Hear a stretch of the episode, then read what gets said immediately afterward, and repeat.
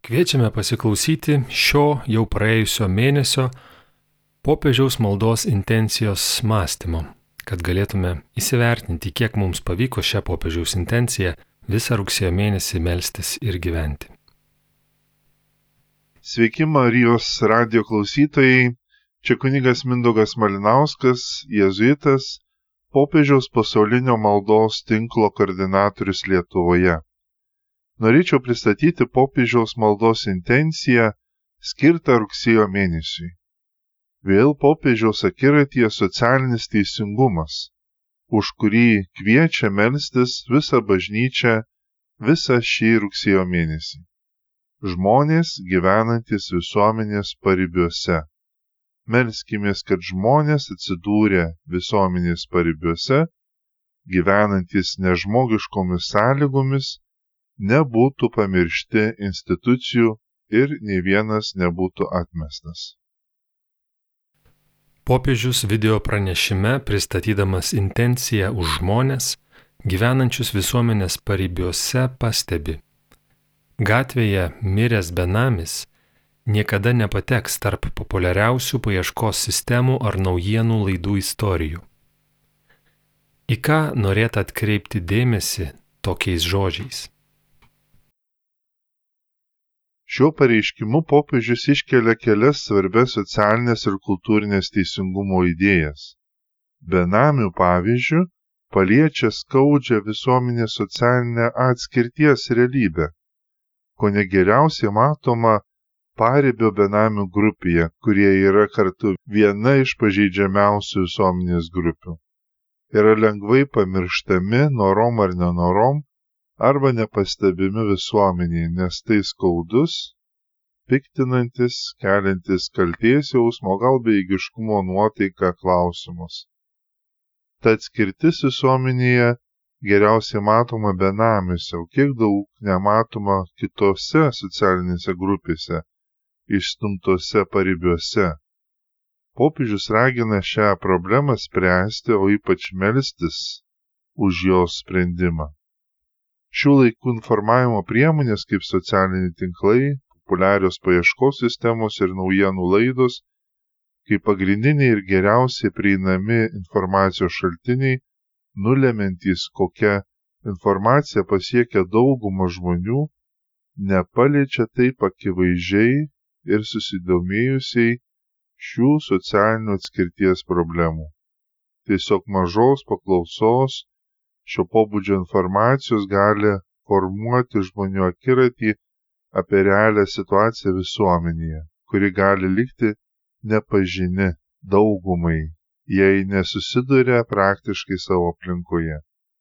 Šio mėnesio intencija liečia ne tik pačius atskirtuosius visuomenės paribiuose, bet informavimo galimybės apie šiuos žmonės. Nes visuomenės informavimo priemonės atlieka svarbų vaidmenį visuomenėje, todėl turi būti atviros ir nepatogiai tikroviai ir įvairialypės, kad būtų galima pateikti įvairių socialinių grupių perspektyvas ir būtų teikiama informacija apie problemas, su kuriomis susidarė pažeidžiamos grupės. Šis nekreipimas dėmesio į šią atskirties situaciją yra iš tiesų socialinio teisingumo problema popiežius atkreipia dėmesį, kad ši problema turi būti svarstoma ir sprendžiama visuomenės lygmeniu, siekiant užtikrinti, kad pažeidžiamos grupės, tokios kaip benamiai, būtų atsižvelgiama visuomeninė informacijos klaidoje. Popiežius Pranciškus kalboje 2013 metais sakė, nepraleiskime galimybės pasitikti kiekvieną žmogų, nes kiekvienas žmogus turi vertę ir orumą. Benamiai yra ne tik statistika, jie turi vardus, veidus ir istorijas. Popiežius toliau pristatymę klausę, kaip galėjome pasiekti tokį abejingumo lygį, kaip atsitiko, kad leidžiame išmetamų daiktų kultūrai, kai milijonai vyrų ir moterų yra nieko verti palyginti su ekonominėmis gerybėmis, Kaip atsitiko, kad leidžiame šiai kultūrai dominuoti mūsų gyvenime, mūsų miestuose, mūsų gyvenimo būdė. Iš tikrųjų, šitaip iškalbingai ir stipriai kritiškai apibendrindamas popiežius užduoda keletą svarbių klausimų ir išreiškia didelį susirūpinimą dėl tam tikrų visuomeninių ir kultūrinių reiškinių. Pirma, tai abejingumas ir socialinė atskirtis visuomenėje tarp skirtingų grupių, kurios vertina vieną kitą. Kuo rimčiausiai popiežius klausia apie visuomenės daugumos abejingumo lygį. Šis klausimas atskleidžia susirūpinimą dėl tokios socialinės atskirties ir to, kad tam tikros visuomenės grupės yra ignoruojamos arba nepaisomos. Norima įjungti samoningumą ir nurodyti problemas susijusias su solidarumu ir užtikrinimu, kad visi žmonės būtų iš tiesų vertinami. Gali tikrai netgi nustebinti ir šokiruoti, kaip nejučia, begyvenant savo įprastą gyvenimą, kažką išmeti, išstumi iš normalaus gyvenimo, teisių turėjimo, kažkieno vertingumo ir orumo neįgymo.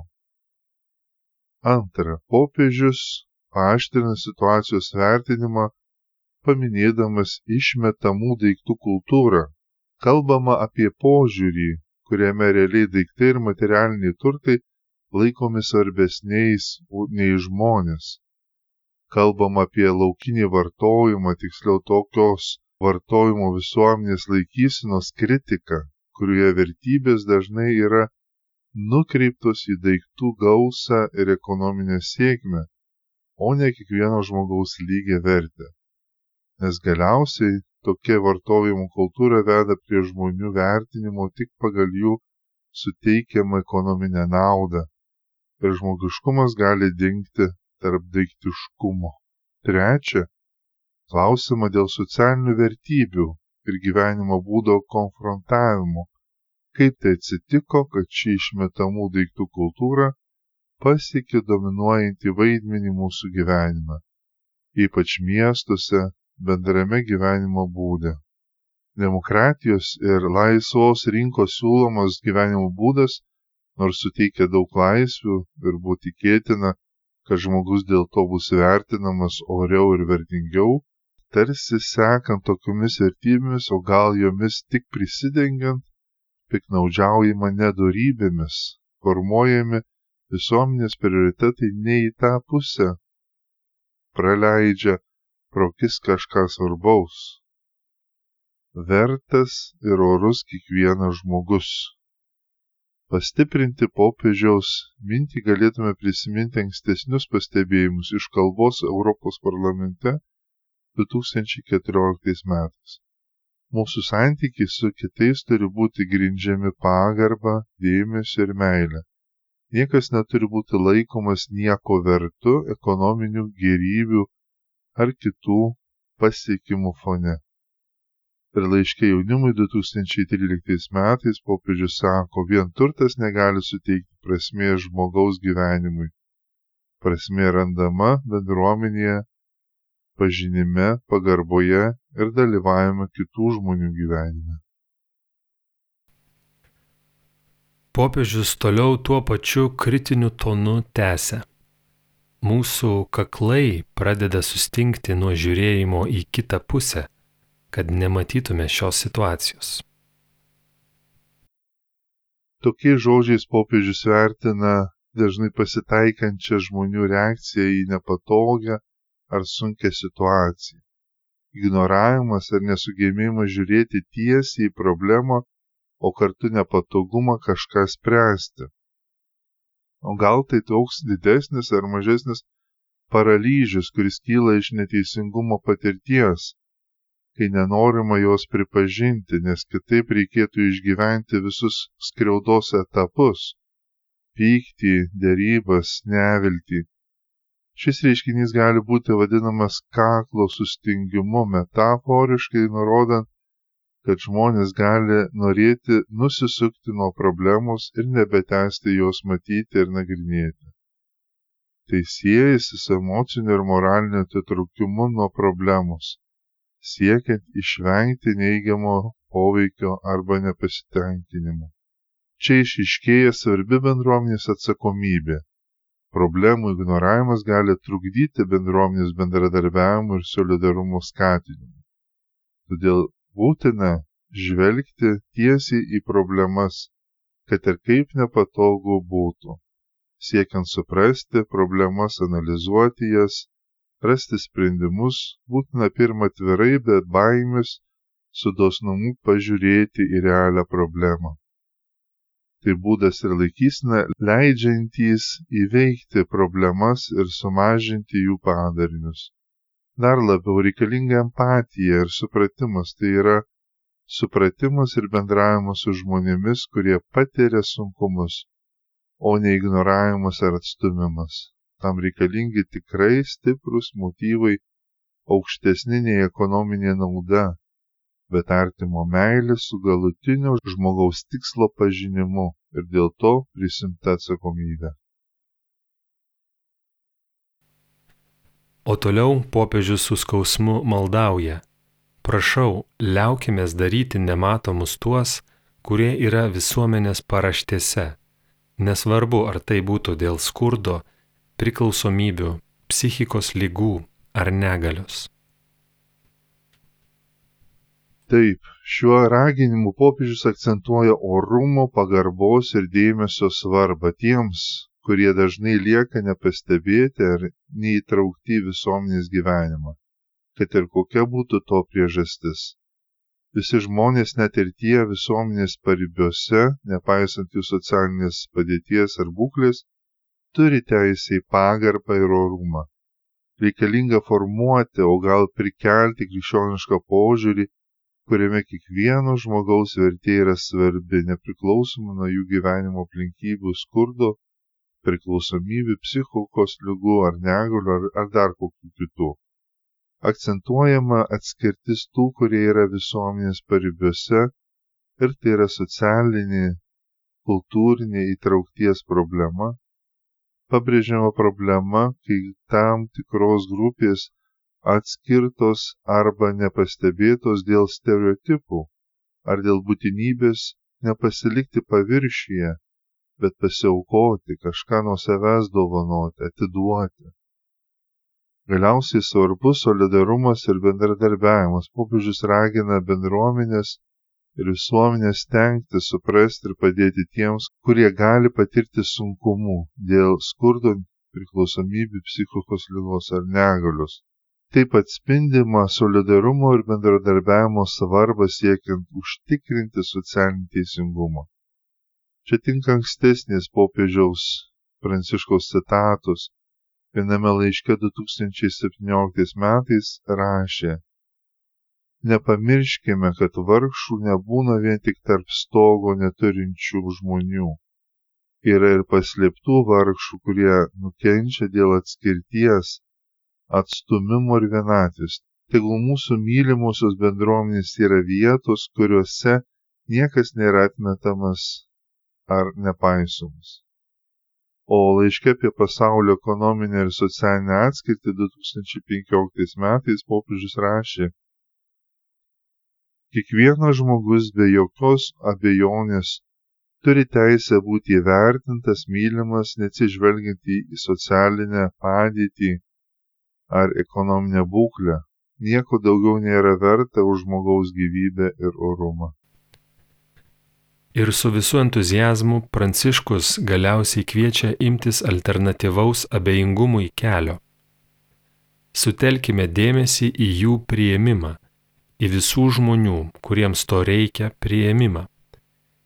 Prieimimo kultūra, svetingumas, prieglopščio suteikimas, namų suteikimas, meilės siūlymas, žmogiškos šilumos dovanojimas. Būtent kaip alternatyvą sustingusių kaklų kultūrai ir atmetimo kultūrai tų atžvilgių, kurie yra visuomenės paribiuose, popiežius pranciškus pabrėžia svarbų principą - prieimimo kultūrą ir svetingumo kultūrą, kuri yra susijusi su meilė, šiluma, pagalba, kuriems to reikia. Skelbdamas prieimimo kultūrą, popiežius kviečia į augantį, progresuojantį kitų ar kitokių prieimimą augančią, stiprėjančią, intensyvėjančią tvarką. Pirmiausia, akcentuoja prieimimo svarbą, tai yra būtinybė sutelkti dėmesį į prieimimą ir šilumą tiems, kuriems to reikia. Kvietimas parodyti pagarbą pažeidžiamiesiems arba nuskriaustiesiems žmonėms, nepriklausomai nuo jų gyvenimo aplinkybių po to akcentuojama svetingumo kultūra. Joje žmonės yra linkę suteikti prieglobstį ir pagalbą tiems kurie ieško gerų ir nesavanaudiškų žmonių kurie supras ir padės jiems. Galiausiai akcentuojamas solidarumas ir meilė. Meilės siūlymas ir žmogiškos šilumos dovanojimas yra svarbus solidarumo ir pagalbos principai.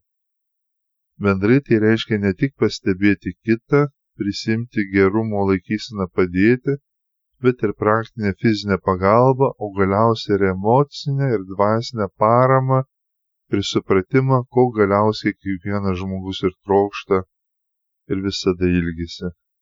Pabrėžiant žmogiškumo ir bendradarbiavimo svarbą, o tai gali pagerinti pažeidžiamų žmonių gyvenimus. Popiežius skatina žmonės būti atvirus ir rodyti meilę kitiems kuriems gali reikėti paramos ir tiesiog gilaus supratimo. Tai yra svarbi vertybė, kuris skatina solidarumą ir bendradarbiavimą visuomenėje, socialinį ir kultūrinį teisingumą. Apie tai kalba popiežius Pranciškus laiškė Fratelli Tutti 2020 metais. Aš kviečiu kiekvieną asmenį ir visus žmonės ir organizacijas visame pasaulyje įsitraukti į šią naują kelionę kurti tvirtą, taikingą ir teisingą pasaulį, pasirūpinant, kad būtų saugiai priimami, o ne atstumiami ar išnaudojami. Ir galiausiai popiežius suformuluoja rugsėjo mėnesio intenciją. Melskime, kad žmonės atsidūrę visuomenės paribiuose, gyvenantis nežmoniškomis sąlygomis, nebūtų pamiršti institucijų ir ne vienas nebūtų atmestas. Būtent taip popiežius skatina maldai už to žmonės, kurie gyvena visuomenės paribiuose ir patiria nežmogiškas gyvenimo sąlygas. Pažinus realią situaciją, solidarumas turi eiti visada su praktinė malda. Tai popiežius Pranciškus išreiškia raginimą būti solidariems su pažeidžiamais žmonėmis, ypač tais, kurie gyvena nepalankiose aplinkybėse. Maldos gali būti būdas ir yra prisidėti prie jų gerovės ir padėti suprasti jų poreikius. Popiežius kviečia institucijas prisimti atsakomybę, būtent organizuota pagalba institucijose geriausiai išreiškia atsakomybę už tai, kad žmonės nebūtų apleisti ir atstumti ir būtent dėl institucijų ydingumo gali žmonėse aukti neteisingumas. Ir visada pasilieka kaip pagrindas ateinantis iš paties Dievo ir bažnyčios palaikomas yra žmogiško orumo ir verties pripažinimas. Tai yra rūpestinga ir gailestinga malda dėl žmogiško orumo. Niekas neturėtų būti atmestas ar stumtas dėl savo socialinės padėties ar aplinkybių Prie to galim pridėti popiežiaus Pranciškaus laiško Evangelį Gaudium citatą. Šiandienos pasaulis, nors ir gausus turtų ir prabanga, daro nuskriaustus ir atstumia daugybę žmonių, paliekant juos pažeidžiamais ir atstumtais. Tegul tai niekada nėra taip, kad vienas žmogus atstumia kitą, negražina jam jo vertės ir orumo, arba popiežius pranciškus kalboje 2014 metais sako, krikščioniškas solidarumas reiškia ir tai, kad reikia įprasminti žmonių gyvenimus ir būti šalia jų varguose ir nelaimėse. Labiau pažinti apkalbamą problemą ir ieškoti galimo atsakymo galėtų padėti popiežiaus pranciškaus kalba penktosios pasaulinės vargšų dienos proga, pasakytos 2021 metais, cituoju. Vis dėlto lieka vienas klausimas, kuris jokių būdų nėra akivaizdus. Kaip apčiuopiamai atsiliepti milijonams vargšų, kurie neretai susiduria tik su abejingumu, jei ne su pasipiktinimu. Kokiu teisingumo keliu reikia eiti, kad būtų įveikta socialinė neligybė ir atkurtas žmogaus orumas, taip dažnai trypiamas. Individualistinis gyvenimo būdas prisideda prie skurdo atsiradimo ir dažnai užkrauna vargšams atsakomybę už jų būklę. Tačiau skurdas nėra likimo nulemtas, jis yra savo naudiškumo rezultatas. Dėl labai svarbu kurti vystimosi procesus, kuriuose būtų vertinami visų gebėjimai, kad įgūdžių papildomumas ir vaidmenų įvairovė padėtų sukurti bendrus abipusio dalyvavimo išteklius. Yra daugybė turtingųjų skurdo formų, kurias galėtų sušvelninti vargšų turtas, jei tik jie galėtų susitikti ir pažinti vieni kitus. Nė vienas nėra toks vargšas, kad negalėtų duoti kažko iš savęs abipusiuose mainuose. Neturtingieji negali būti tik tie, kurie gauna. Jiems reikia sudaryti sąlygas duoti, nes jie gerai žino, kaip atsakyti dosnumu. Kiek daug dalymuose pavyzdžių turime prieš akis. Vargšiai dažnai moko mūsų solidarumo ir dalymusi. Tiesa, jie gali būti žmonės, kuriems trūksta kai kurių dalykų. Dažnai daugeliu dalykų, įskaitant būtiniausius poreikius, tačiau jiems netrūksta visko, nes jie išlaiko Dievo vaiko orumą, kurio niekas ir niekada iš jų negali atimti. Dėl šios priežasties būtinas kitoks požiūris į skurdą. Šį iššūkį vyriausybės ir pasaulinės institucijos turi priimti taikydamos įžvalgų socialinį modelį, galintį kovoti su naujomis skurdo formomis, kurios dabar apėmusios pasaulį ir turės lemiamos įtakos ateinantiems dešimtmečiams. Jei vargšai bus stumiami į paribius, tarsi jie patys būtų kalti dėl savo padėties iškils pavojus pačiai demokratijos sampratai, o kiekviena socialinė politika pasirodys esanti bankrutavusi. Su dideliu nuolankumu turėtume prisipažinti, kad dažnai esame nekompetitingi, kai kalbame apie vargšus. Apie juos kalbame abstrakčiai, apsiribojame statistiniais duomenimis ir manome, kad galima sujaudinti žmonių širdis nufilmavę dokumentinį filmą. Skurdas priešingai turėtų mus motivuoti kūrybiškai planuoti, siekiant didinti laisvę, reikalingą gyventi visą vertį gyvenimą pagal kiekvieno žmogaus gebėjimus. Manyti, kad laisvė atsiranda ir auga turint pinigų yra iliuzija, kurios turėtume atsisakyti, Tarnavimas vargšams veiksmingai skatina mus veikti ir leidžia rasti tinkamiausius būdus, kaip pakelti ir skatinti šią žmonijos dalį, kuri pernelyg dažnai lieka anonimiška ir bevardė, bet kurie įspaustas išganytojo prašančio mūsų pagalbos veidas. Citatos pabaiga. Ar dar būtų galima daugiau praplėsti nagrinėjimo temą, kad geriau pažintume bažnyčios laikyseną žmonių esančių visuomenės paribiuose problemą? Tam tinka pacituoti popiežiškosios naujosios evangelizacijos tarybos katechezės vadovą 2022 metais parašytą. Tam paskirtas visas skirelis - katechezės su visuomenės paribiuose gyvenančiais žmonėmis. Kalbėdami apie žmones esančius visuomenės paribiuose turime omenyje išgyvenančius visuomeninę atskirtį arba artimą marginalizacijai būklę. Tarp šių vargšų dera paminėti pabėgėlius, klajoklius, benamius, chroniškus ligonius, narkomanus, kalinius, prostitucijos vergus, ir kita. Todėl bažnyčia ypač kreipiasi į kenčiančią ir verkiančią žmonijos dalį, nes žino, kad šie žmonės priklauso bažnyčiai dėl Evangelijos. Todėl bažnyčia turi visada būti budri ir pasirengusi identifikuoti naujus gailestingumo darbus ir dosniai su užsidegimu juos įgyvendinti, suvokdama, kad jos skelbiamos žinios tikėtinumas labai priklauso nuo liūdėjimo darbais. Jėzaus žodžiai palaiko ir motivuoja dėl viešpaties besidarbuojančiųjų ir tarnaujančių vargingiausiams pastangas. Bažnyčia taip pat pripažįsta, kad didžiausia diskriminacija, kokią kenčia vargšai, yra dvasinio dėmesio stygius.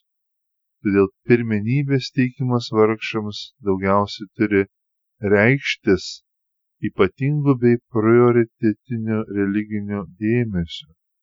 Žmonėms gyvenantis visuomenės pakraščiuose tikėjimas skelbiamas beveik visada neformalioje aplinkoje ir priklauso nuo aplinkybių, todėl lemiamas vaidmuo tenka gebėjimui susitikti su žmonėmis tose situacijose, kuriuose jie atsiduria, besąlygiškai juos priimti ir su jais bendrauti realistiškai, o drauge gailestingai. Dėl pirminio skelbimo ir katechezės reikia atsižvelgti į vairias aplinkybės, į kiekvieno poreikius bei klausimus, akcentuojant asmeninį santykį. Bendruomenė kviečia teikti brolišką paramą savanoriams įsitraukiantiems į šią tarnystę.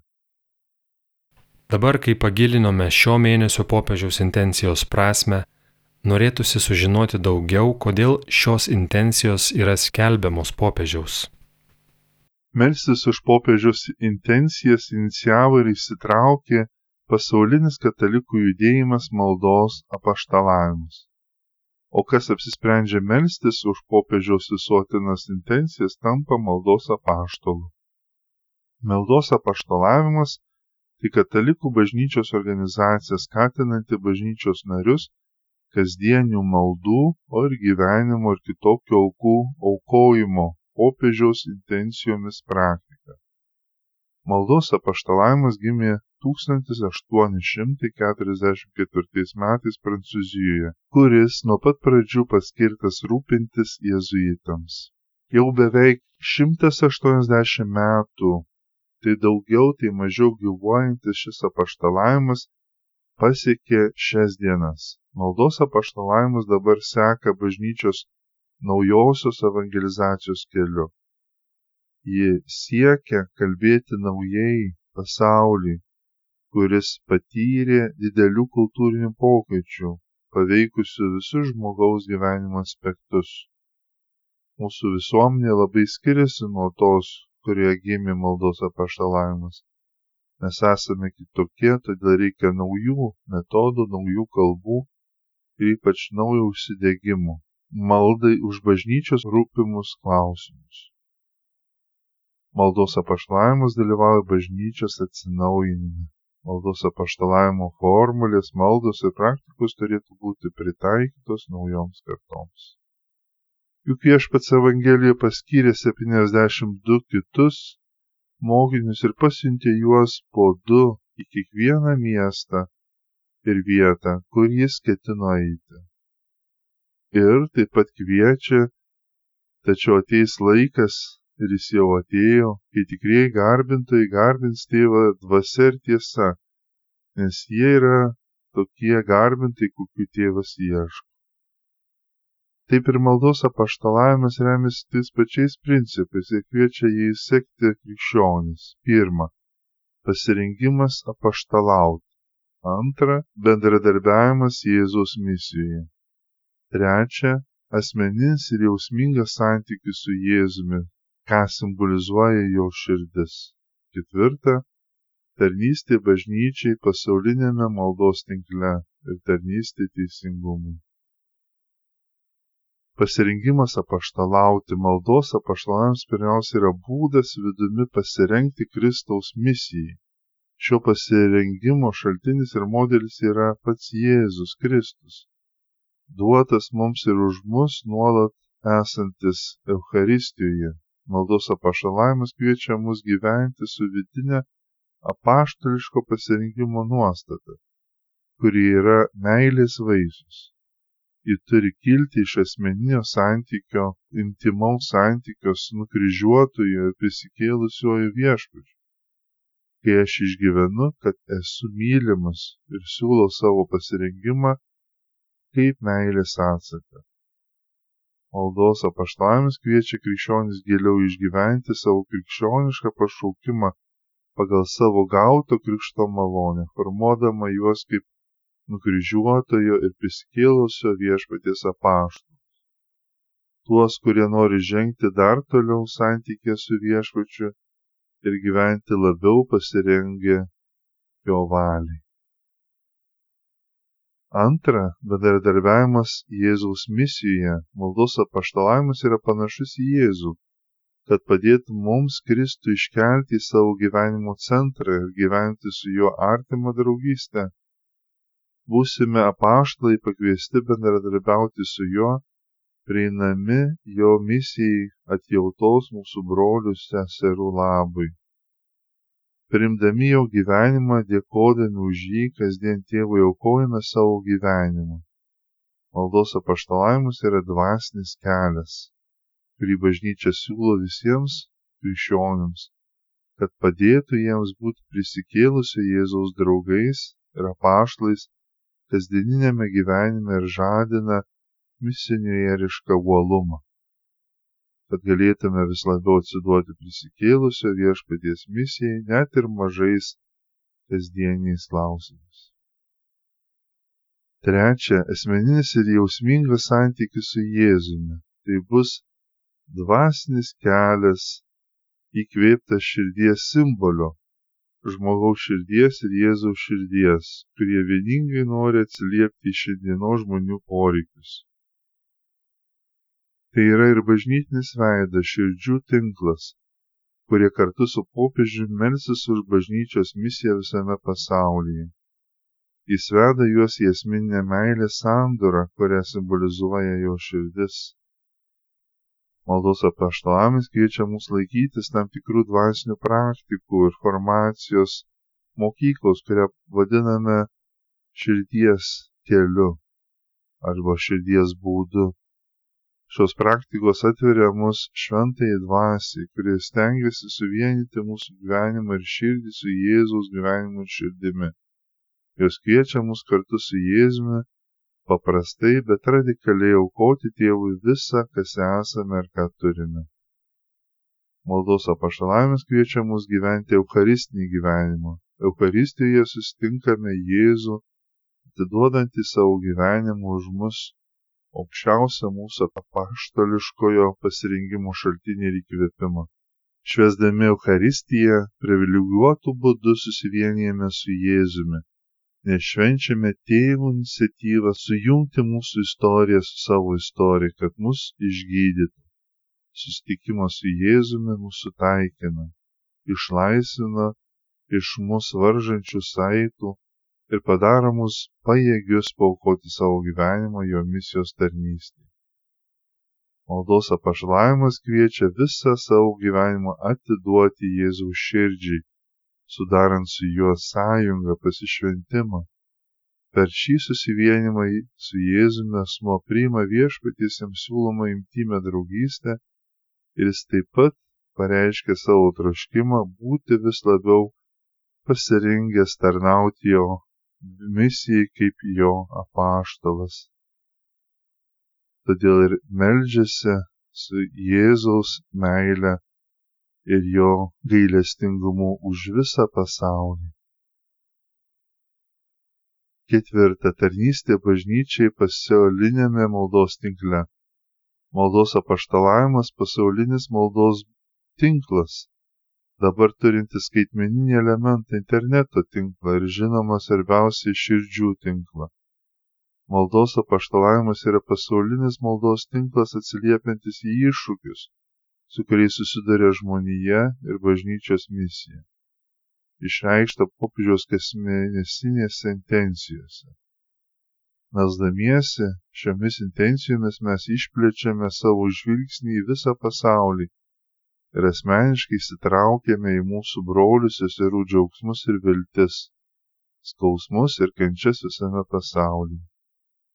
Maldos apašlavimas kviečia mus prisijungti prie pasaulinio tinklo, kuriame milijonai žmonių meldžiasi kartu su popiežiumi už iššūkius, kuriuos jis mums nurodo savo kasmėnesinėse maldos intencijose. Šios maldos intencijos atveria mus netidėliotiems bažnyčios ir žmonijos poreikiams. Jos skatina mus įsipareigoti savo gyvenimu karalystės teisingumo labui, rezonuojant mėnesio intencijos temai. Maldos apaštalavimas taip pat kviečia mus bendradarbiauti su visais, kurie siekia didesnės brolybės ir teisingumo, net ir su kitų religijų tradicijų atstovais. Maldos apaštalavimui kaip bažnyčios tarnybai šventojo tėvo patikėti Jėzus draugijai, jėzuitams, rekomenduojama skleisti šias intencijas, nors ji ir lieka maldos ir užtarimo mokykla. Maldos apaštalavimas tarauja visiems bažnyčiai individualiai ir grupėmis ji gali organizuoti savo grupes bažnytinio judėjimo būdu, atsižvelgiant į vietos kultūrinius ir bažnytinius poreikius. Kitais atvejais jie remia esamas bažnyčios grupės arba pavienius asmenis, nekurdama savo struktūros ir nepriimdama judėjimo struktūros. Taip, mėlyjeji, pristačiau šio mėnesio popiežiaus intenciją už žmonės gyvenančius visuomenės paribiuose, o taip pat kalbėjo apie maldos apaštalavimą kaip judėjimą, kaip būdą su popiežiaus kasmėnesiniam intencijom apaštalauti pasaulyje, tarnauti Kristui, jo širdies nusiteikimui, kad visuotinai būtų Kristaus meilė ir gailestingumas užtariamas visame pasaulyje. Čia buvo kunigas Mindaugas Malinauskas, jėzuitas, popiežiaus pasaulinio maldos tinklo koordinatorius Lietuvoje. Su Dievu.